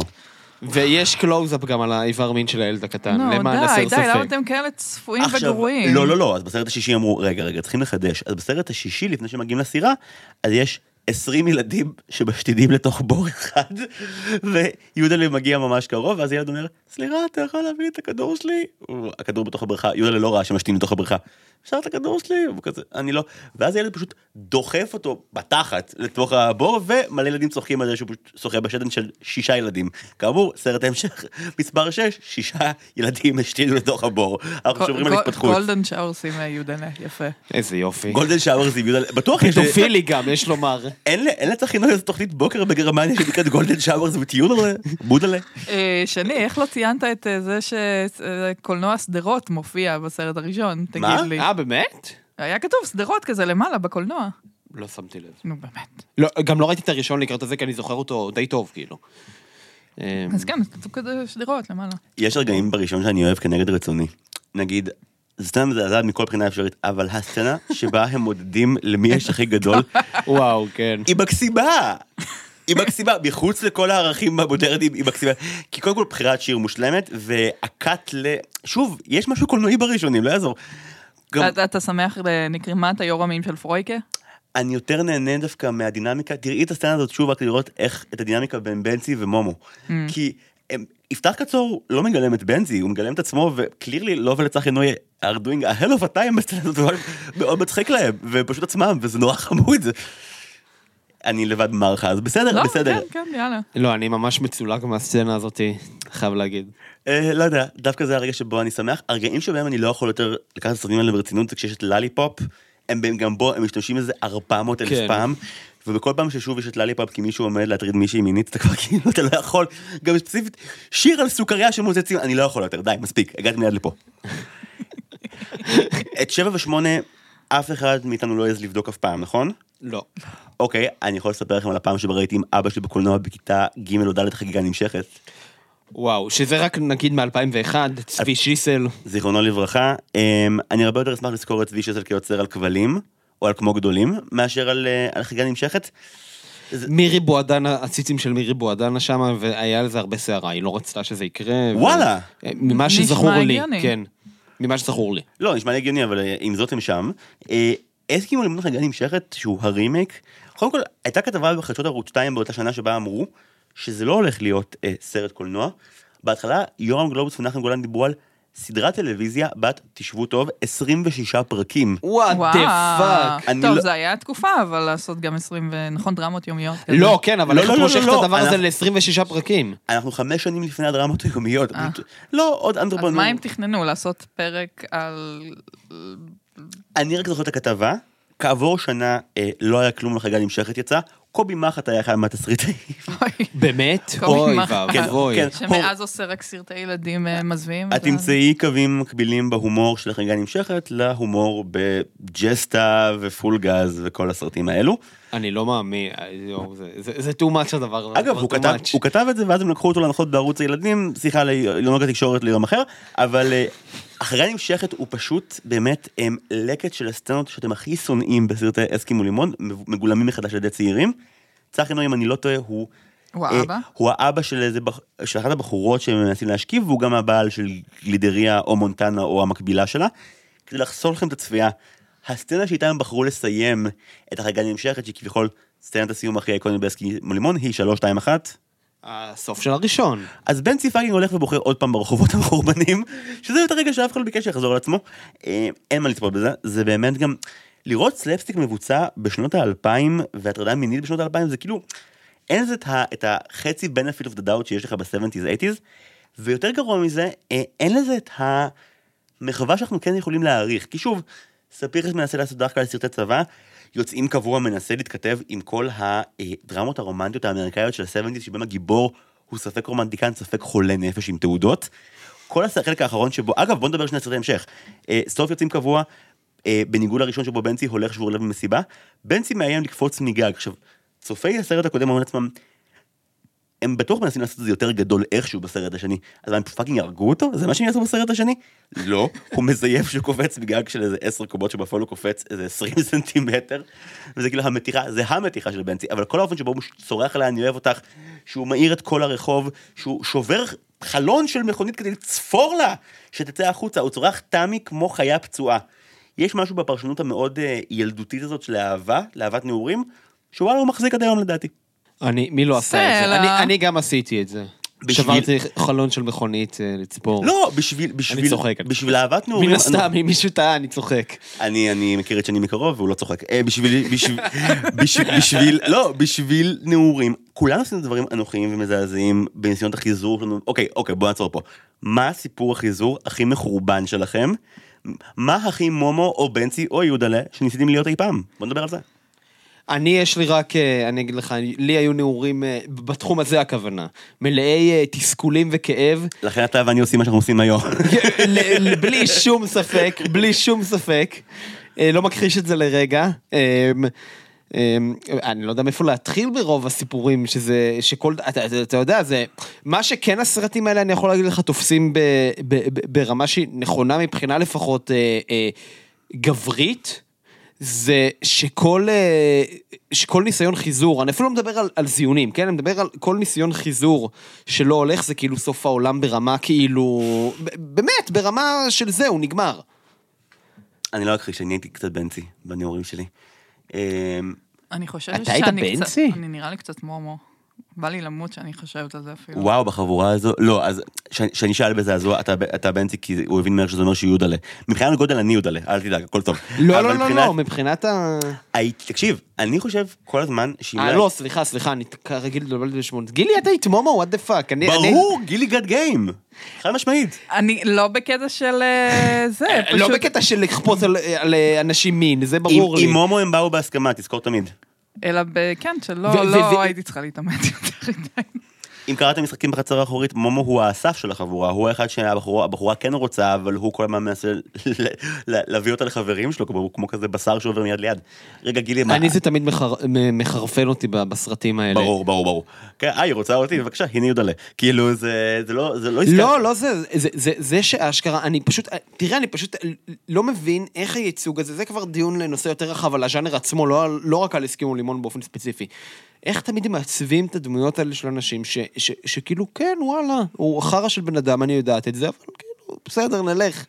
אני חושב שמייצגים משהו פשוט שהוא בצורה אחרת קיים, כלומר, אתה יודע, התקופה שבה המשיכה על ה-bad boys יקט, אבל רגע, אנחנו סוטים מהנושא. גילי, מה סליחה. המובים שלך?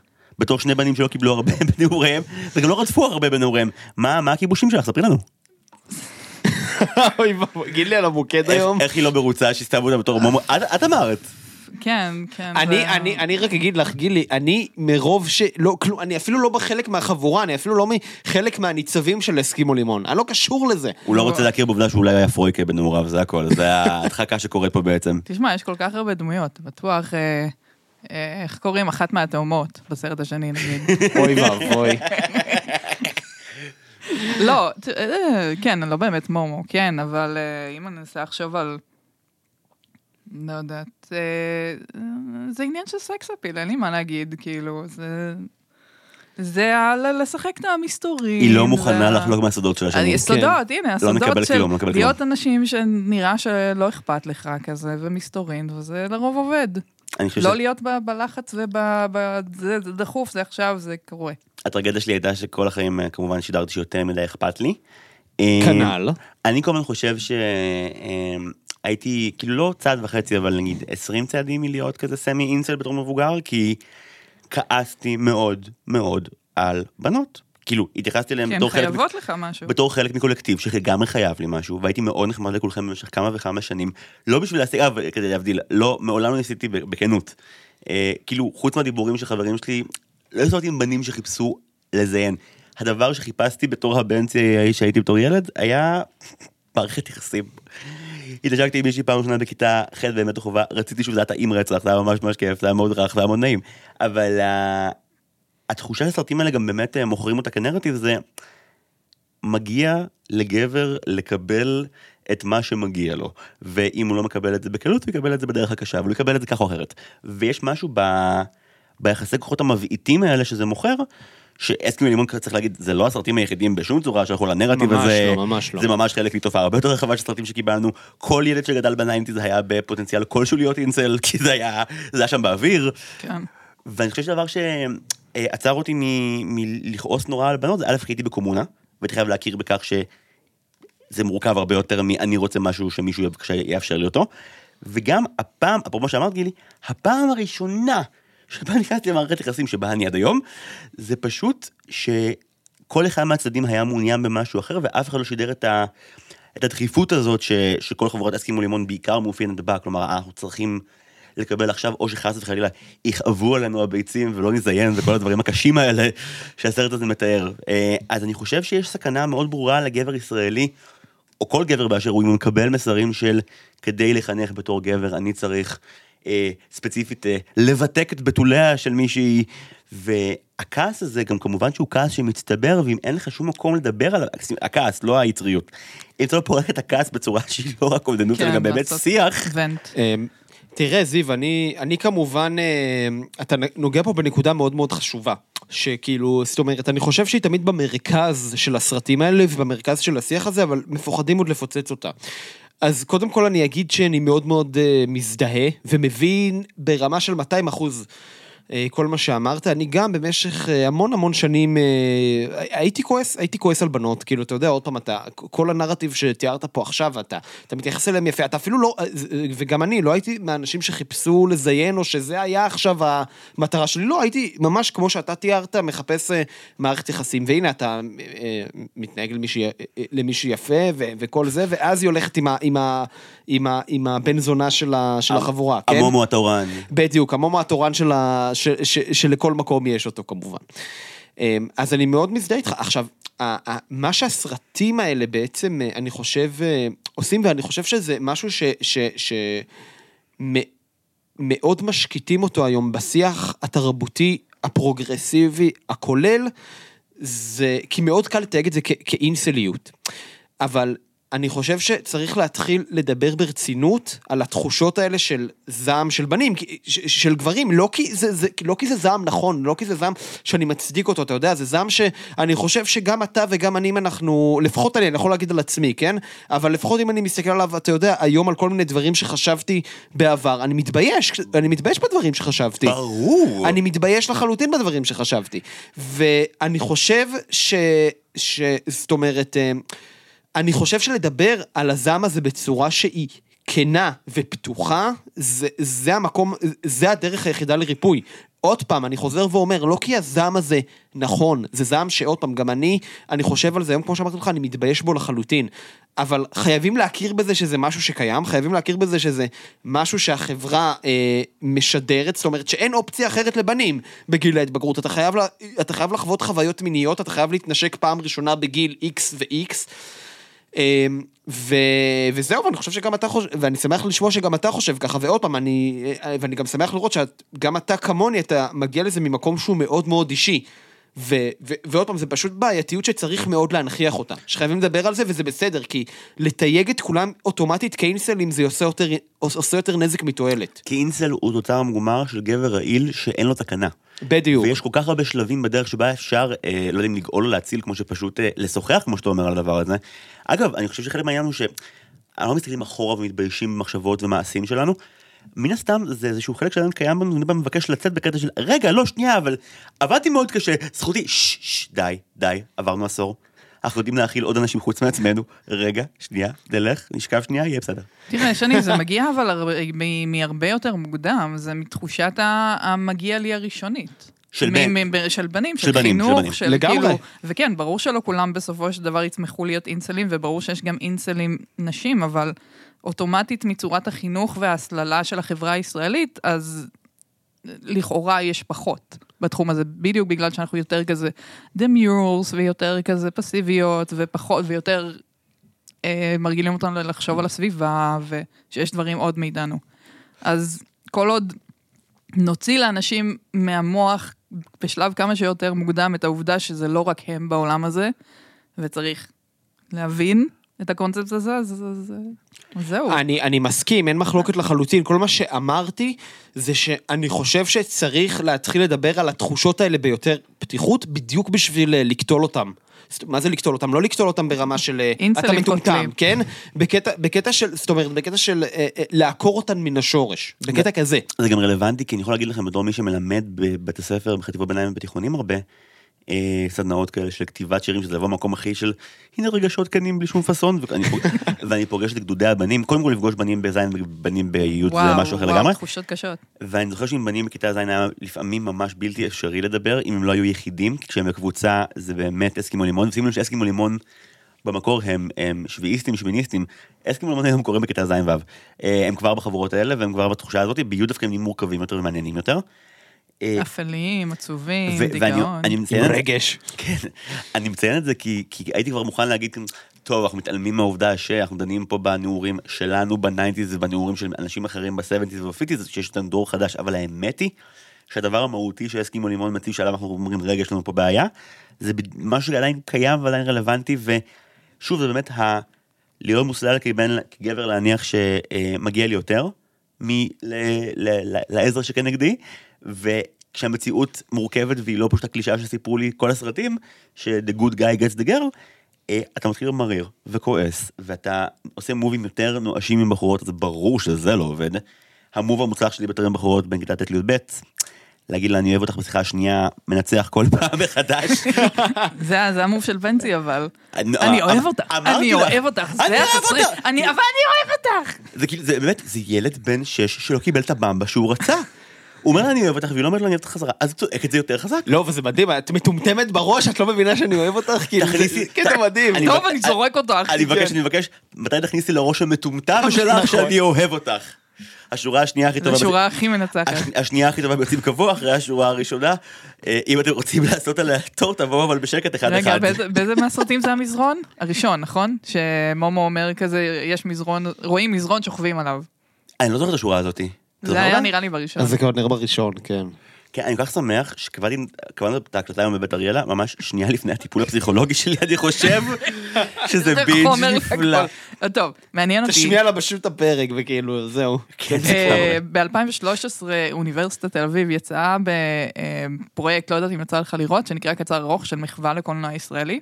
לא, לא ראיתי. אז מושלם, תראה. אה, יש שם אה, גם השוטר אזולאי, גם אה, זה עם אה, מה זה חתונה מאוחרת וכל מיני כאלה, ועשו בין השאר על אסקימו לימון.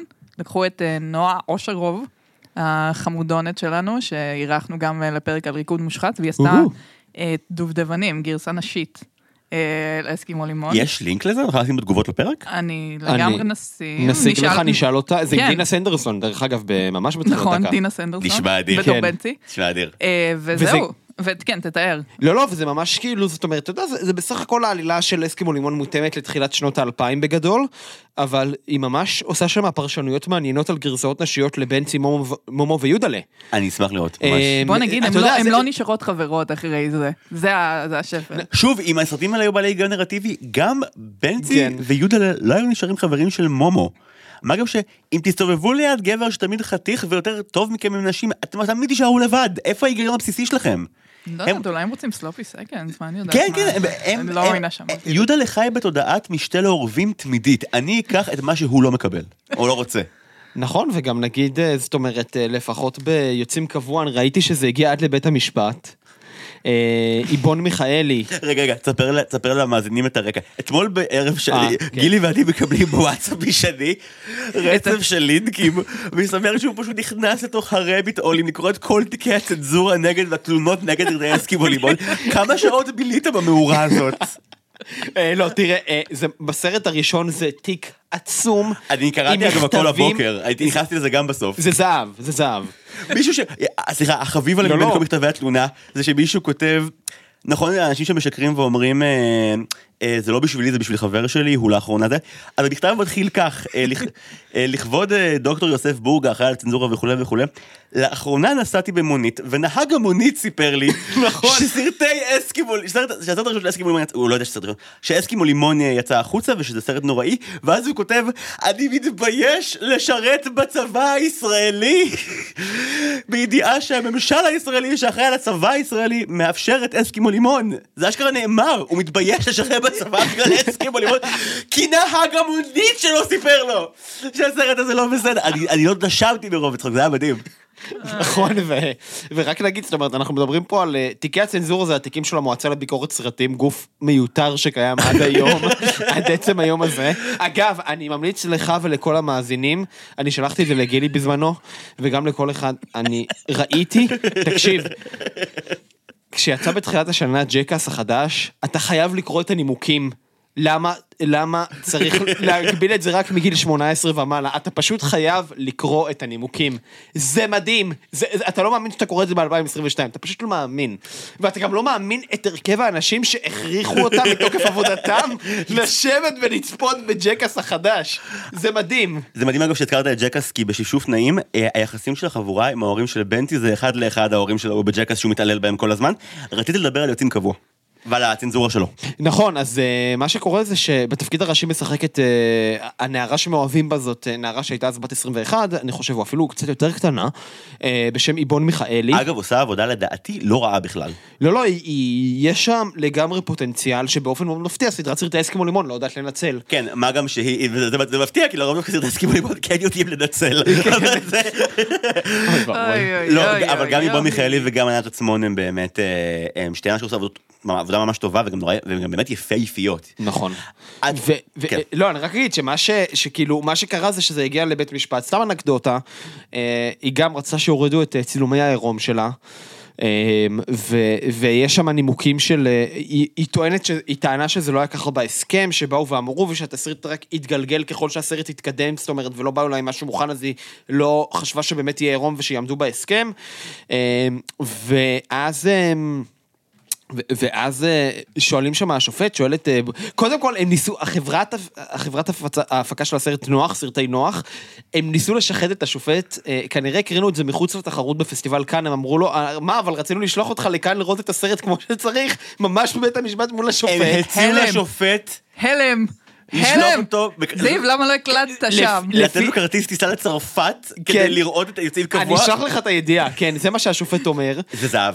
זה זהב. עכשיו, מה שעוד יותר זהב זה הציטוט של בועז דוידזון, למה לא צריך לחתוך את, ה, את הסצנת עירום, למה היא הכרחית. כי יש לזה ערך אומנותי, מה זאת לא, אומרת? לא, זה בסדר, זה ברור שהוא יגיד, אבל יש לו גם טענה ספציפית. נו. זה הורס את הקומפוזיציה של השוט, אם מורידים את ה... וש... זה, אם, אם מורידים את העירום, משהו שטותי כזה. רגע, כאילו, אבל- אבל אבל אני אני מניח שהם הפסידו. כי אני חושב ש... נכון, לא רואים אותה, נכון לא. גילי? לא רואים אותה עירומה שם.